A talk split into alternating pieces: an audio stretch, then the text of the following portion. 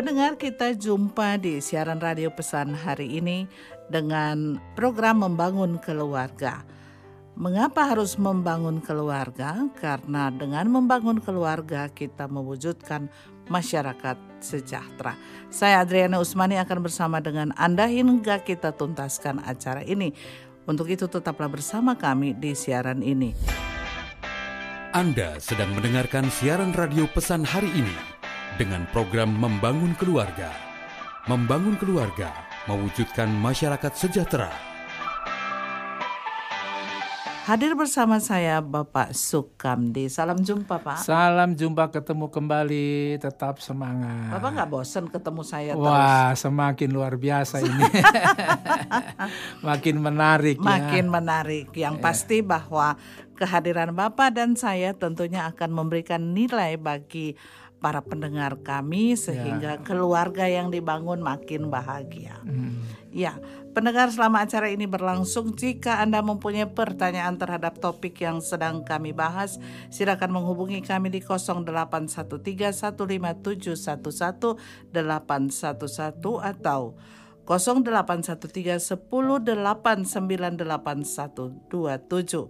Email membangun keluarga 0919 at gmail.com dan pesan hari ini 315 at gmail.com. Kami informasikan kepada Anda, jika Anda mencantumkan nomor telepon atau WhatsApp dan email dengan jelas, maka kami akan mengirimkan e-booklet yang dapat memberikan masukan yang baik untuk membangun keluarga yang bahagia tentunya. Pak Kamdi, Iya. Tadi katanya nggak bosen ketemu. nah, kita akan bicara tentang kebosanan ini. Hmm, ya ya. Topik yang kami akan bahas adalah kebosanan antar pasangan di dalam pernikahan. Pak, dulu kalau orang pacaran nggak ketemu sedetik pun tuh kayaknya gimana gitu Iya, ya. oh, iya. Aku nggak bisa tidur karena nggak melihat jempolmu. Kebayang-bayang terus. ya. Itulah. Iya. Tapi begitu menikah, begitu banyak keluhan yang terjadi. Mengapa demikian, Pak? Ya, memang biasanya sesuatu yang belum dikenal atau baru mengenal tetapi belum merasakan itu biasanya menimbulkan sebuah penasaran ya nah, begitu. merasakan apa ini? Ya, jadi contohnya kalau orang pacaran itu kan belum merasakan apa-apa, baru kepingin merasakan. Sehingga pengennya melihat, pengennya memegang, pengennya berduaan, pengen ngobrol, uh, pengennya boncengan atau pergi ke mana. Nah, nanti biasanya terus akhirnya pada setelah menikah sudah bisa merasakan segala sesuatu dari ujung kepala sampai ujung kaki, dari yang di luar sampai yang paling dalam. Nah, biasanya mulailah mulai ada keengganan, mulai ada sebuah kejenuhan atau kebosanan itu kalau yang dilihat itu hanya apa yang terlihat dari mata, bukan apa yang uh, sebenarnya menjadi bagian yang perlu dipelihara dari hatinya. Nah, Iya, ini. Tadi bicara tentang mengetahui segala sesuatunya dari luar sampai ke dalam, ke dalam sampai keluar. Iya. Segala sesuatunya terbuka. Kita akan bahas di Hmm. topik-topik selanjutnya. Iya. Dan pendengar setiap pasangan yang baru memasuki pernikahan mereka sangat antusias untuk menjalani kehidupan rumah tangga. Mereka penuh dengan rencana dan harapan. Pak, menurut Anda sebelum seseorang menikah, apa yang paling penting disadari sehingga ia tidak dihinggapi perasaan kecewa? Ya. Nah, yang terbaik sebenarnya di dalam eh, seorang yang ingin mengambil keputusan menikah itu yang terbaik itu harusnya melewati tiga level ya. Level yang pertama seharusnya orang yang mau menikah itu harus mengalami mengikuti sebenarnya program yang disebut pranikah. Pranikah, Nah, pranikah itu adalah persiapan sebelum menikah, bukan soal masalah harta benda, tetapi bagaimana mempersiapkan diri secara hati, secara emosi, secara fisik di dalam pernikahan itu. Nah, biasanya eh, kalau di dalam program kita itu ada namanya pranikah, jadi bimbingan orang yang eh, mau menikah bisa sampai 3-4 bulan. Nah, apa yang dibicarakan di sana?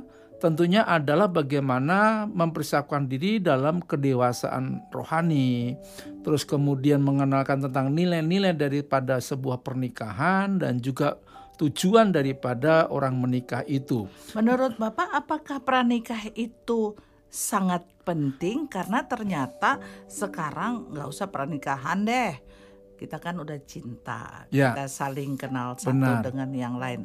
Tadi Bapak bicara tentang pentingnya pranikah itu. Apakah itu sesuatu yang akan benar-benar membekali setiap pasangan untuk melangkah selanjutnya? Ya, dalam pengalaman saya ketika memberikan bimbingan pranikah, dengan saya bandingkan ketika ada orang maaf kata sampai pada perpisahan atau perceraian itu, ketika saya tanya pada waktu kamu menikah, apa kamu pernah mengalami bimbingan sebelum menikah? Oh enggak pak, kami ya, yang penting kami senang, kami merasa chemistry-nya cocok, kemudian kita se- seolah sejalan, Ah, kemudian kami menikah, tapi kok akhirnya seperti ini ya. Jadi pranikah itu justru memperkenalkan kita bagaimana cara mengenal pasangan hidup kita.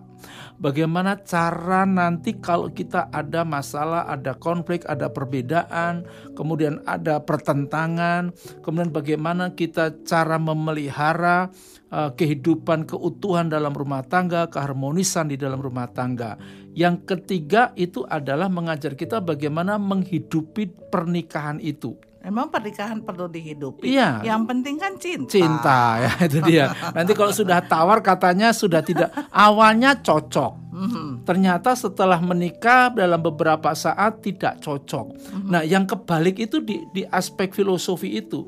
Orang menikah itu biasanya justru dimulai dari ketidakcocokan. Oh, begitu. Jadi sekarang kan orang kebalik.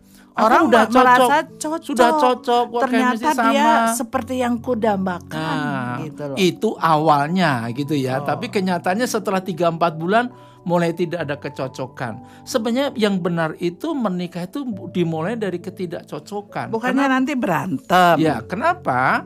Karena masing-masing pribadi itu punya eh, latar belakang, punya pengalaman, punya punya hasrat, punya keinginan yang yang belum nampak gitu ya. dalam dalam pacaran itu kan sebenarnya dalam bahasa pergaulan itu sama-sama menggunakan topeng. Ya. Ya, topeng cinta namanya ya. Itu nggak Nanti- topeng monyet. Ya, nanti kalau sudah dibuka, wah baru tahu aslinya. Nah yang terakhir ini yang penting yaitu namanya post merit. Jadi sesudah menikah, hal-hal apa yang akan terjadi? Contohnya bahwa ternyata banyak orang tidak tahu dalam pernikahan itu ada masa krisis, ada masa kritis, ada masa krusial, ada masa kronis, kemudian juga ada puber pertama, ada puber kedua, puber- banyak yang tidak tahu informasi itu. Akibatnya sering kali justru terkejut. Loh kok tiba-tiba suami saya malah jadi genit ya gitu ya kok kok kok istri saya kok malah jadi perkasa misalkan Gitu begitu ya. nah itu perlu diperkenalkan kasus-kasus seperti itu sehingga seseorang tidak menjadi kecewa karena dia sudah memahami bahwa dalam bahtera rumah tangga nanti tidak akan pernah lepas dari berbagai-bagai eh, istilahnya kayak badai dan gelombang, perubahan-perubahan karakter, perubahan-perubahan sikap, perubahan-perubahan perilaku itu mesti dikenal sejak dari awal. Ini keluar sedikit, Pak. Ya. Kita kan sama-sama dapat informasi ini Hmm. dari gadget-gadget nih, media-media ya, sosial. Eh, saya mencoba memperhatikan begitu banyak para orang-orang terkenal ini mengekspos dirinya they are happy married, happy couple, Iya. gitu. Sementara tadi Bapak bilang bahwa ada krisis-krisis, badai pasti berlalu, tetapi untuk menghadapinya itu perlu sesuatu kekuatan yang luar biasa. Iya. Bapak akan menjawabnya dan kami kembali setelah yang berikut ini. Iya. Anda masih bersama kami dalam siaran radio pesan hari ini dengan program Membangun Keluarga. Membangun keluarga mewujudkan masyarakat sejahtera. Jika Anda mencantumkan nomor telepon, WhatsApp, atau email dengan jelas, kami akan mengirimkan e-booklet yang dapat memberikan masukan baik untuk membangun keluarga yang bahagia.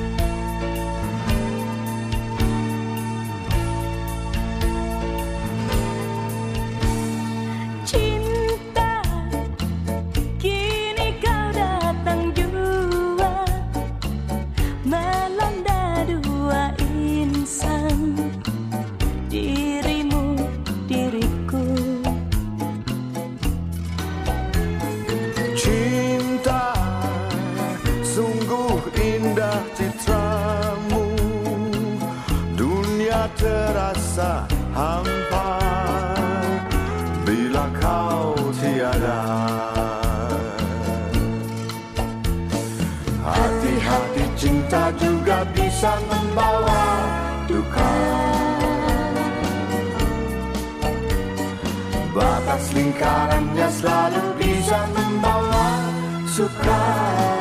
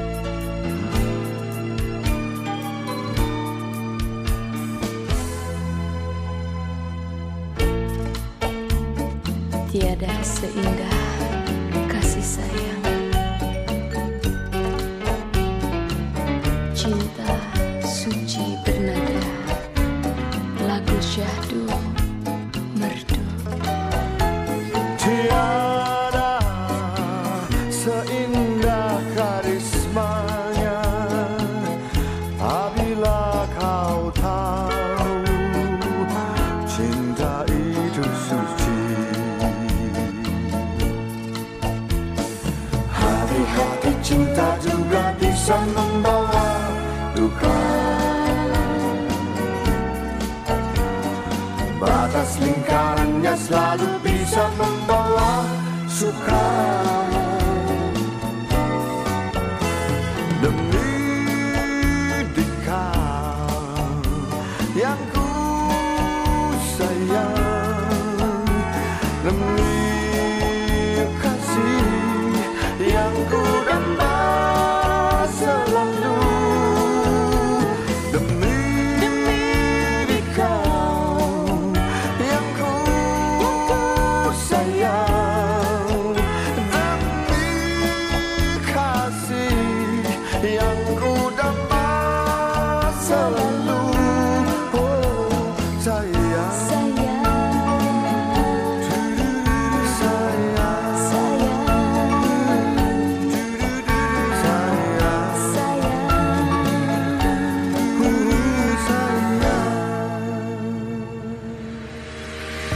Sudahkah Anda melihat di sekeliling Anda hari ini? Ada begitu banyak yang indah untuk dilihat. Salah satunya adalah diri kita sendiri. Mungkin saat ini Anda sedang menghadapi keadaan tersulit dalam hidup. Jangan putus asa, karena setiap peristiwa yang terjadi bertujuan untuk mempersiapkan diri kita agar dapat mencapai tujuan hidup ini. Dukungan pasangan dan keluarga merupakan faktor penting untuk mengatasi masalah yang terjadi. Ingatlah untuk selalu bersyukur dan jangan biarkan persoalan yang terjadi menguasai kita. Jika Anda mempunyai pertanyaan terhadap topik yang sedang Anda dengarkan, hubungi kami 0813 15711 811 email membangun keluarga 0919 at gmail.com atau 0813 1084 8127 email pesan hari ini 315 at gmail.com Pendengar, apakah dalam menikah Anda baik-baik saja? Ataukah Anda merasa bahwa saya ternyata telah memilih pasangan yang salah? Dalam setiap kesempatan dan percakapan dari para ahli pernikahan, topik yang seperti ini selalu dibahas. Jadi saya berharap Anda tidak akan bosan untuk mendengar apa yang akan dijelaskan oleh narasumber kami Pak Sukamdi. Pak, tadi dikatakan bahwa ada yang namanya post married. Tadi Bapak baru jelaskan tentang pranikah, padahal ada tiga. Yang Ya. kedua apa Pak? nikah itu sendiri di artinya mid married itu ya jadi di perjalanan pertengahan pernikahan itu Ya. nah di situlah sebenarnya proses sedang dimulai apa Proses artinya apa, proses Pak? apa pengadaptasian diri. Oh, Jadi kenapa dulu mungkin pada waktu pacaran masih masih tertutup, masih malu. Kalau makan ya paling sedikit-sedikit gitu ya. Kalau minum ya mau ngelap bibir saja rasanya pakai tisu supaya lipstiknya tidak luntur dan tapi sebagainya. kalau tidur dia nggak tahu Nah, kalau dia kalau tidur ngorok. padahal aduh bukan cuma ngorok ya tukang kentut dan dan macam-macam. Ada yang suka gelap ya, Ya. tapi satu sisi ada suka yang sangat terang, Terang, ya. Itu saja sudah bisa menimbulkan konflik ya. Nah, itulah sebabnya penting dalam mixed marriage itu dalam perjalanan pernikahan itulah keaslian-keaslian itu mulai muncul. Keberadaan-keberadaan keaslian uh, perilakunya itu mulai muncul. Nah, di situlah mulai muncul pernik-pernik apa yang disebut dengan adaptasi konflik. Jadi kita sudah belajar jadi orang yang harus mengadaptasikan dengan adanya perbedaan-perbedaan yang yang sering kali itu menjadi masalah kita. Nah, Pak, menarik. Tadi yang kita eh, bicarakan yang eh, ngorok dan seterusnya dan Hmm. seterusnya itu sesuatu yang menurut saya biasa aja bisa Iya. dibicarakan. Tapi ketika di mid married ini, ternyata suami saya tuh addicted. Hmm. Addicted sex, Hmm. intimacy, Iya. addicted dalam hal genit-genit, senang memuji perempuan di depan saya Ya, ya. addicted eh, hobi, addicted kerjaan. Hmm. Ini gimana, Pak? Ya, nah itulah itulah yang mesti di- dipahami, dipersiapkan bahwa dalam proses uh, management itu akan terjadi banyak sekali uh, perubahan yang kadang-kadang kita tidak mikir ya. Ada orang yang sangat gila gila kerja gila seks dan sebagainya. Sementara istrinya maunya seminggu dua kali. Istrinya maunya kalau bisa tiap hari dan sebagainya. Maunya di kamar mandi oh yang satunya harus di tempat tidur dan waduh begitu banyak ada yang gila kerja. Pokoknya kalau kerja kalau belum sampai lelah dia tidak sam- sampai sebegitunya. Itulah yang yang harus menjadi satu pengadaptasian di dalam diri kita. Kita harus bisa menyesuaikan diri tetapi sambil kita mengenali dan kita juga saling dikenali. Kemudian yang ketiga kita belajar bagaimana bisa mengatasi problem-problem seperti itu. Jangan itu dijadikan sebagai sumber masalah yang dipermasalahkan tetapi seharusnya kita mencari solusi yang sama-sama menikmati yang sama-sama bisa rileks yang sama-sama tidak menimbulkan eh, semacam eh, trauma. Ya ada istri yang baru 2-3 tahun setiap melihat suaminya malah pingsan.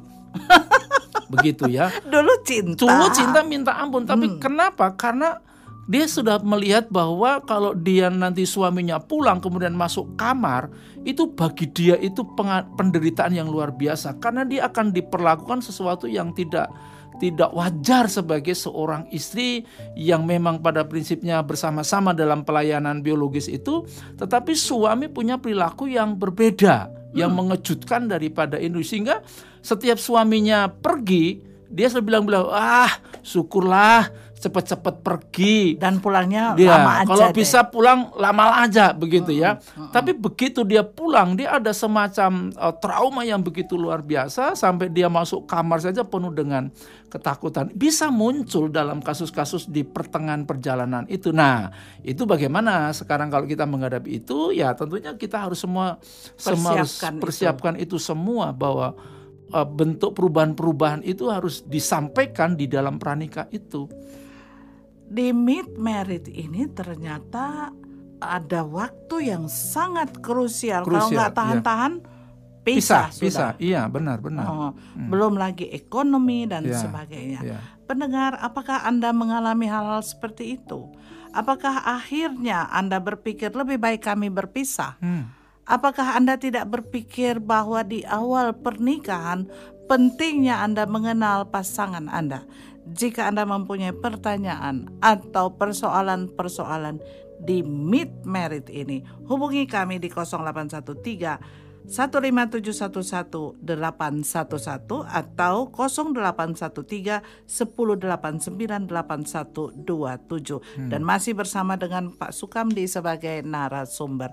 Itu di mid married tadi Pak. Benar. Lalu yang terakhir yang ketiga apa Pak? Nah, ini yang disebut post merit ya. Post Jadi kalau di masa pranikah itu isinya itu menyenangkan gitu ya. Ah, Pak saya ini kalau kalau di, ya di pranika itu udah Pak ini saya cocok. Mungkin kalau ada orang yang kelihatan rohani, oh ini datang dari yang at, dari yang dari atas begitu ya saya dari suka bingung itu Oh, loh gitu Pak. ya. Wah saya Ini memang ini jodoh, yang jodoh dikirim oleh dan Tuhan. Ya. Jadi saya, wah saya diberkati. betul, ya, bahkan di lingkungan orang-orang yang menjadi public figure itu selalu mengatakan, wah ini sudah kita ini sudah cocok, sejalan dan sangat perhatian, sangat lemah lembut.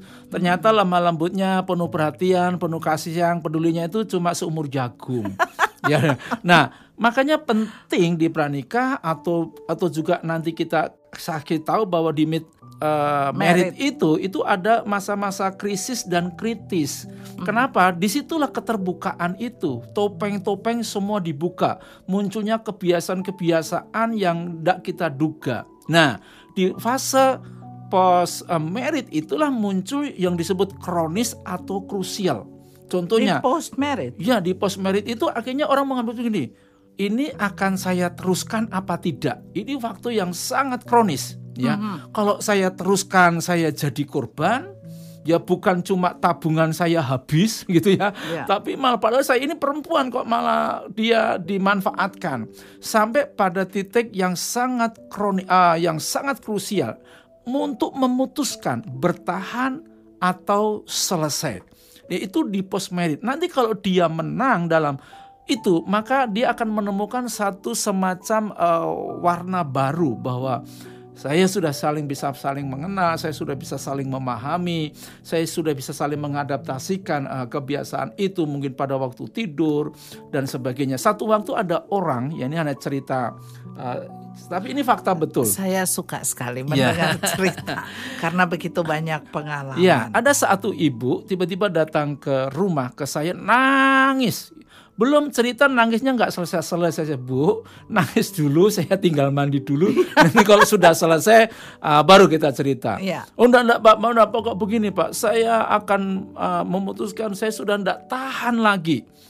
Kenapa mau memutuskan mau bercerai? Iya, saya pikir eh, ngorok itu masalah ngorok itu Ngorok. ngorok itu bisa menimbulkan gugatan perceraian. Oh. Karena ngoroknya itu kalau dia pakai etika mungkin kalau dia pakai do re mi fa sol sih enak didengar. Tapi ini kayak mesin diesel Pak, solar barangkali. Oh saya bilang-bilang begini, oh barangkali minumnya anu oli top one ya, jadi kencang. Pokoknya seringkat cerita pokoknya pisah. Pokoknya saya mau cerai terus caranya bagaimana Pak gitu. Karena saya sudah datang ngoroknya itu keras sekali. Dinding-dinding itu kadang bergetar. Ibu, memang kadang kalau kita berpikir hal yang tidak baik, selalu menghasilkan kadang keputusan juga yang tidak Tidak baik. Tapi kalau kita bisa menikmati sesuatu yang tidak nikmat, tapi kita berpikir itu sangat nikmat, itu biasanya menimbulkan kenikmatan yang lebih. Waduh. contoh ya.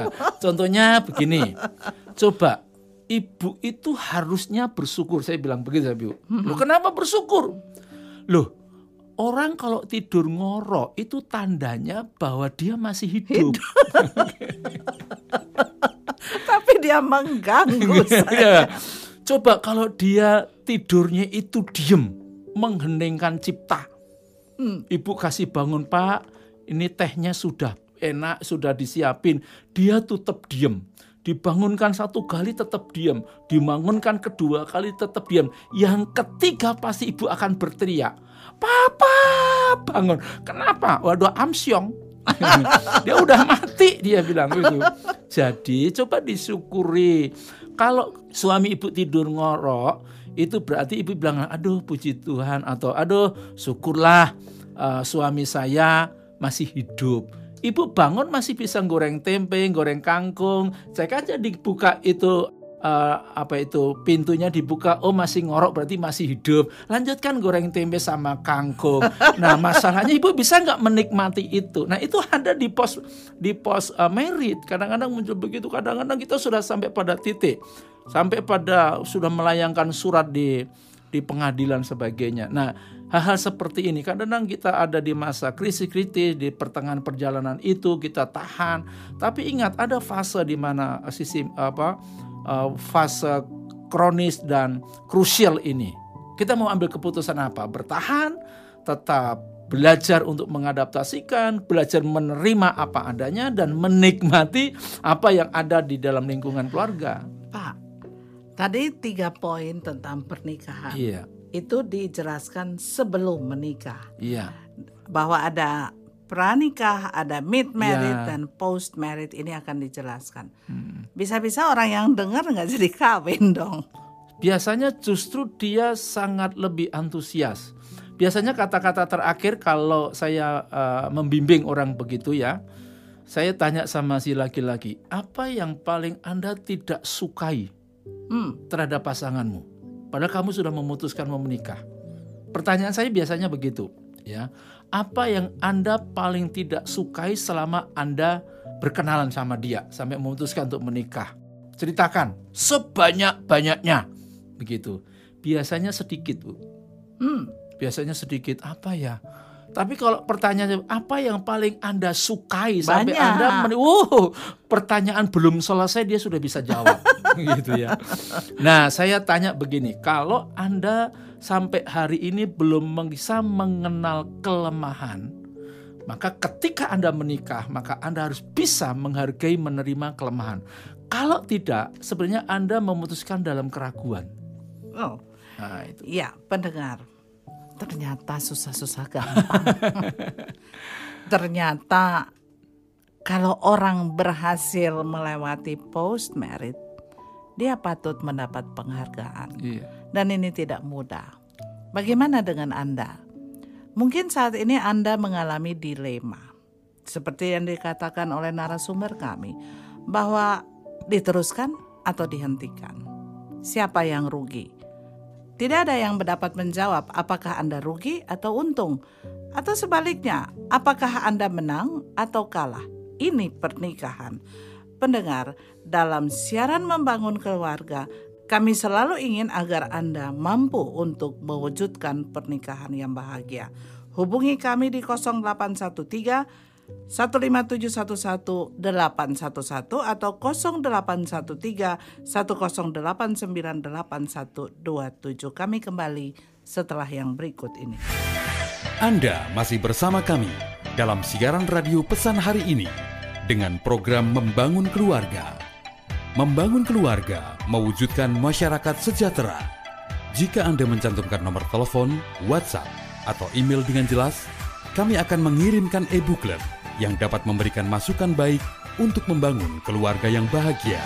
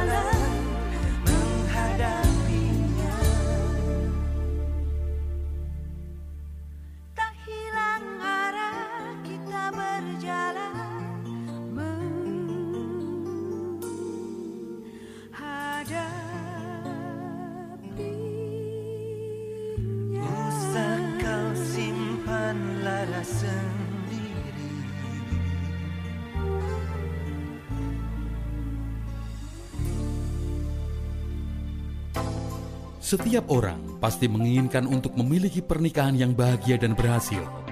Tetapi jika tidak hati-hati, maka Anda akan terjebak dalam pemikiran bahwa hubungan yang bahagia adalah hubungan yang penuh kesamaan tanpa perbedaan. Tetapi, tanpa disadari, pemikiran itu akan mengarahkan Anda agar berusaha untuk membuat pasangan menjadi seperti apa yang Anda inginkan. Oleh sebab itu, sadarilah bahwa setiap pribadi memiliki keunikan tersendiri, sehingga diperlukan usaha kedua belah pihak untuk saling menyesuaikan diri yang didasari oleh cinta kasih di antara pasangan. Jika Anda mempunyai pertanyaan terhadap topik yang sedang Anda dengarkan, hubungi kami 0813 15711 811 email membangun keluarga 0919 at gmail.com atau 0813 1084 8127 email pesan hari ini 315 at gmail.com Pendengar berbicara tentang pernikahan tentunya bukan hal yang biasa-biasa saja. Ada hal-hal yang luar biasa yang akan Anda temui di dalam pernikahan Anda. Seperti diceritakan oleh Pak Kamdi tadi. Bahwa mampukah Anda menerima ngorok yang mengganggu itu untuk dinikmati atau sebaliknya Anda mengeluarkan kata-kata sumpah serapah. Pak Kamdi katanya pasangan yang menikah di atas 10 tahun, perasaan cinta dan kasih sayang antara suami itu berubah menjadi saudara. Bingung juga ya suami istri kok saudara. Kemudian yang berikut, menurut Bapak sendiri apakah ini hal yang baik kalau ada perasaan begitu? Karena jika seperti saudara, maka tidak ada lagi gairah intimasi. Masa saudara bisa melakukan hubungan seks? Kemudian yang berikut ini diborong nih loh Pak. Hmm. Jika kehidupan setiap hari pasangan makin jarang berkomunikasi dan lebih suka berbicara dengan orang ketiga entah anak atau yang lainnya, apakah itu ber- pertanda bahwa kebosanan telah meliputi keduanya? Iya. Wah ini pertanyaan yang luar biasa. nah memang sering kali kita ini memili- memahami paradigma yang salah. Ya, kita selalu berandai. Bapak ini jangan suka membela-bela pernikahan loh. Iya. Mentang-mentang Bapak ini bahagia loh. Kadang-kadang kita menyamaratakan dengan kata seperti. Se- Seperti Iya, kalau sebenarnya kata seperti itu kan sebenarnya belum gitu ya. Mhm.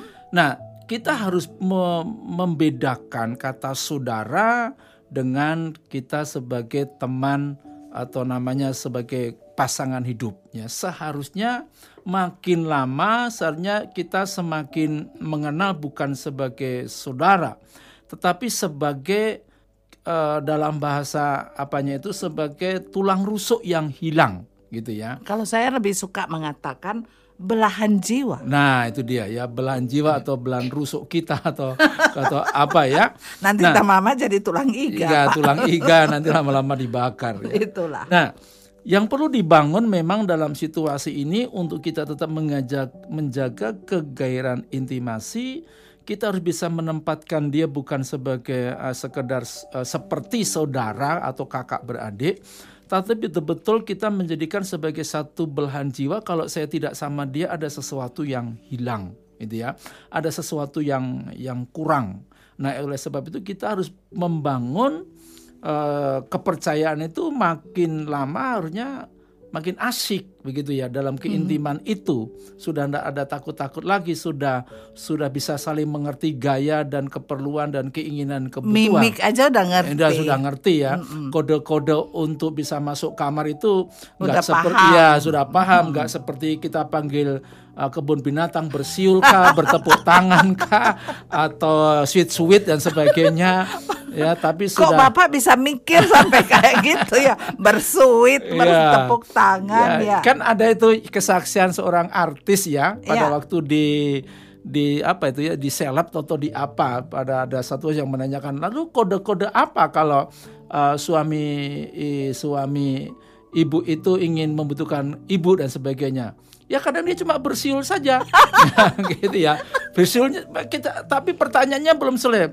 Gimana cara bersiulnya kalau itu kode bahwa bapak sedang membutuh- membutuhkan ibu segera? Ya bilang aja, "You sweet." ya. Atau kadang menggunakan eh, kalau yang butuh ibunya, ibunya cenderung kalau pas apa dehem. Mendehem. Ada gitu ya. Saya bilang ya itu adalah saya pikir satu alat komunikasi yang bagi saya adalah kode romantis.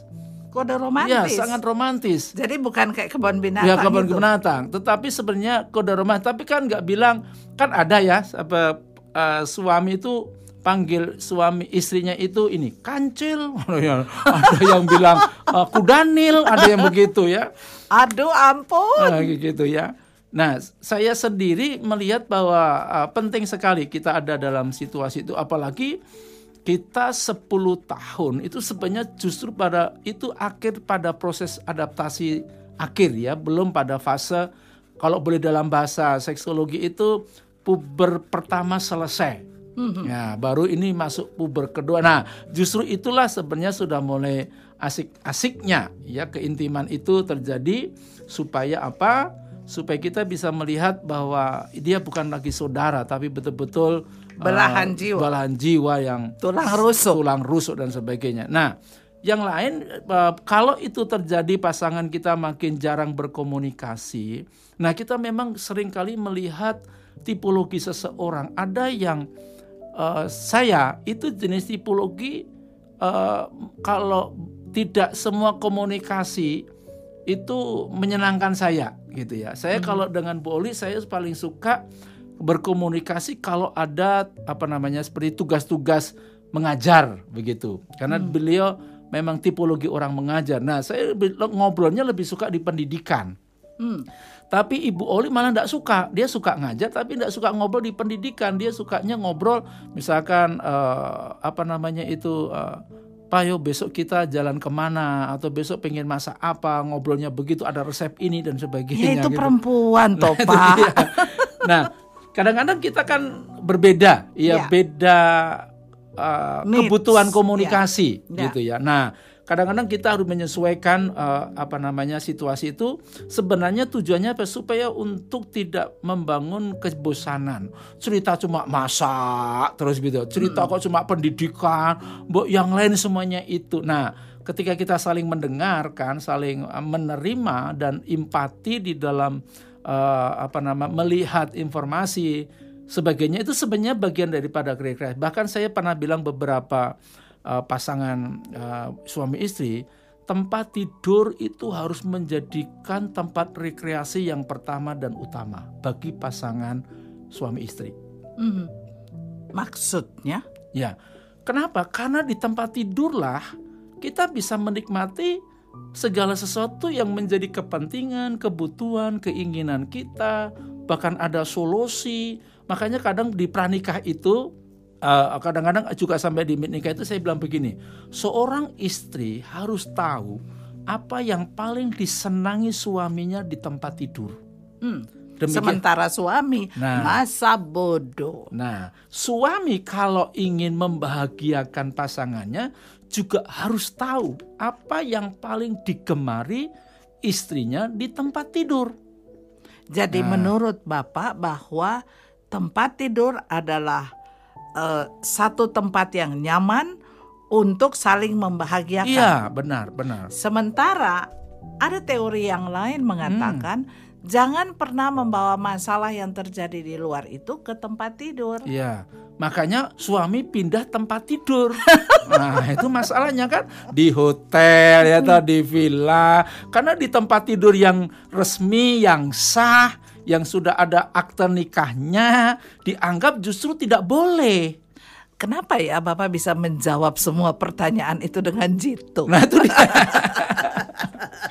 Kalau di tempat tidur tidak boleh, itu makanya ada tempat tidur yang lain. gitu ya. Makanya saya bilang sebagai suami istri tidak boleh berpikiran ada tempat tidur lain yang nikmat untuk menjadi rekreasi hidup.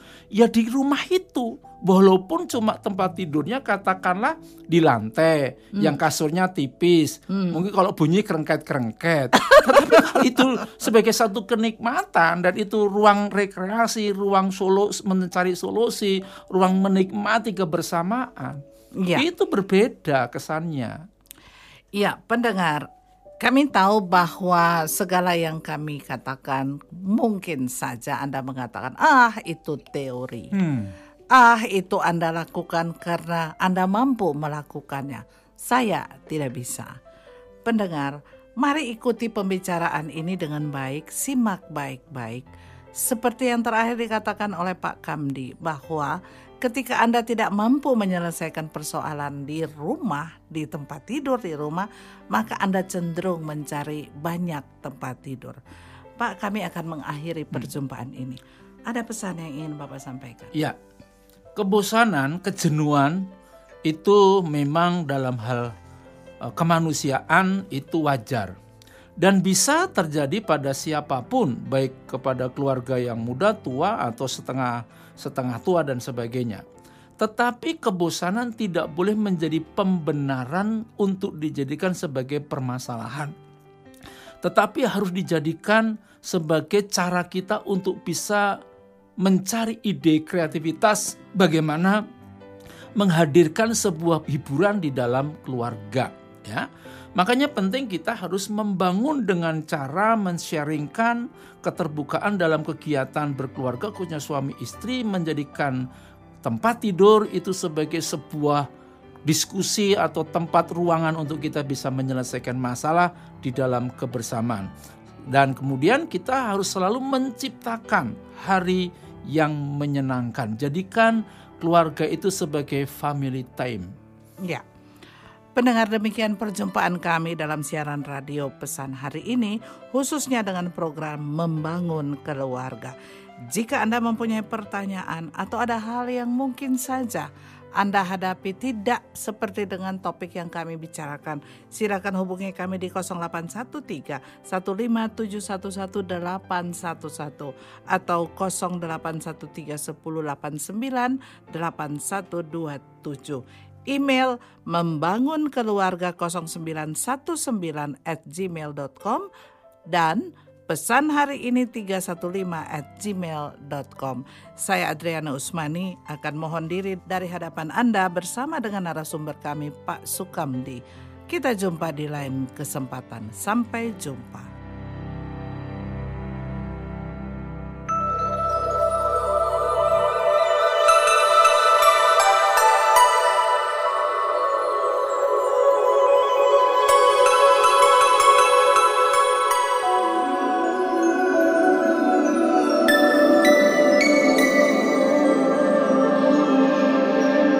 Sebuah perenungan.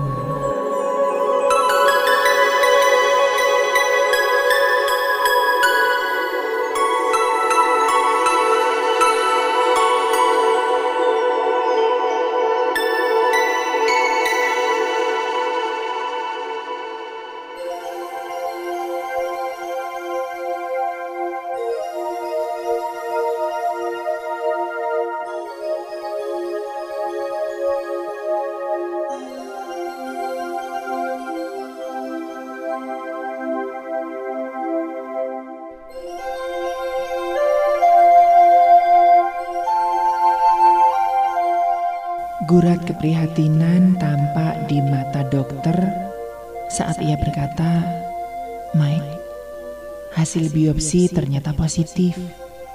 Anda terkena kanker prostat. Diagnosis itu membuatku kaget dan bingung. Saat aku mengatakan kepada istri dan anak-anakku, mereka menangis. Kegelisahan merasuki hatiku dan mengikis kedamaian pikiranku. Anakku yang berusia 22 tahun menyadari ketakutanku. Dia menasehatiku dengan kata-kata, "Ayah, lihatlah itu hanya sebagai lubang kecil." Ya, kanker itu hanyalah lubang kecil di, di jalan kehidupan. Selama beberapa hari, aku merenungkan kata-katanya dan kemudian aku mengakui adanya hikmah di dalamnya. Diagnosis kanker menyebabkan aku mengendorkan pijakan gas untuk memperlambat, mempertimbangkan apa yang benar-benar penting, merenungkan kembali apa yang telah aku remehkan. Ya, hubunganku dengan Tuhan, hubungan dalam pernikahanku, bahkan keindahan langit yang diterangi cahaya bulan. Sebuah ayat Alkitab dalam 2 Korintus 4 ayat 17 menenangkanku. Sebab penderitaan ringan yang sekarang ini mengerjakan bagi kami kemuliaan kekal yang melebihi segala-galanya, jauh lebih besar daripada penderitaan kami. Ya, ayat ini menempatkan pencobaan duniawi ke dalam perspektif yang seharusnya. Tidak peduli seberapa parahnya penderitaan atau berapa lamanya berlangsung, saat kita melihat kembali dari kekekalan, Semuanya itu hanyalah sebuah lubang kecil di jalan menuju rumah.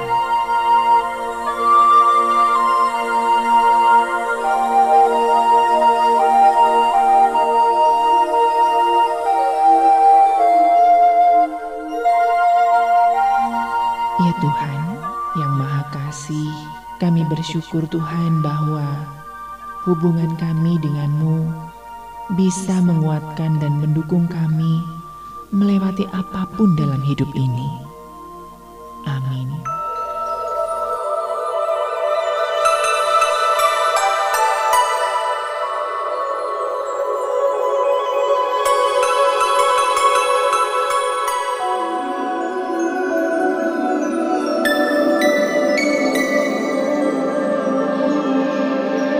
Sebuah perenungan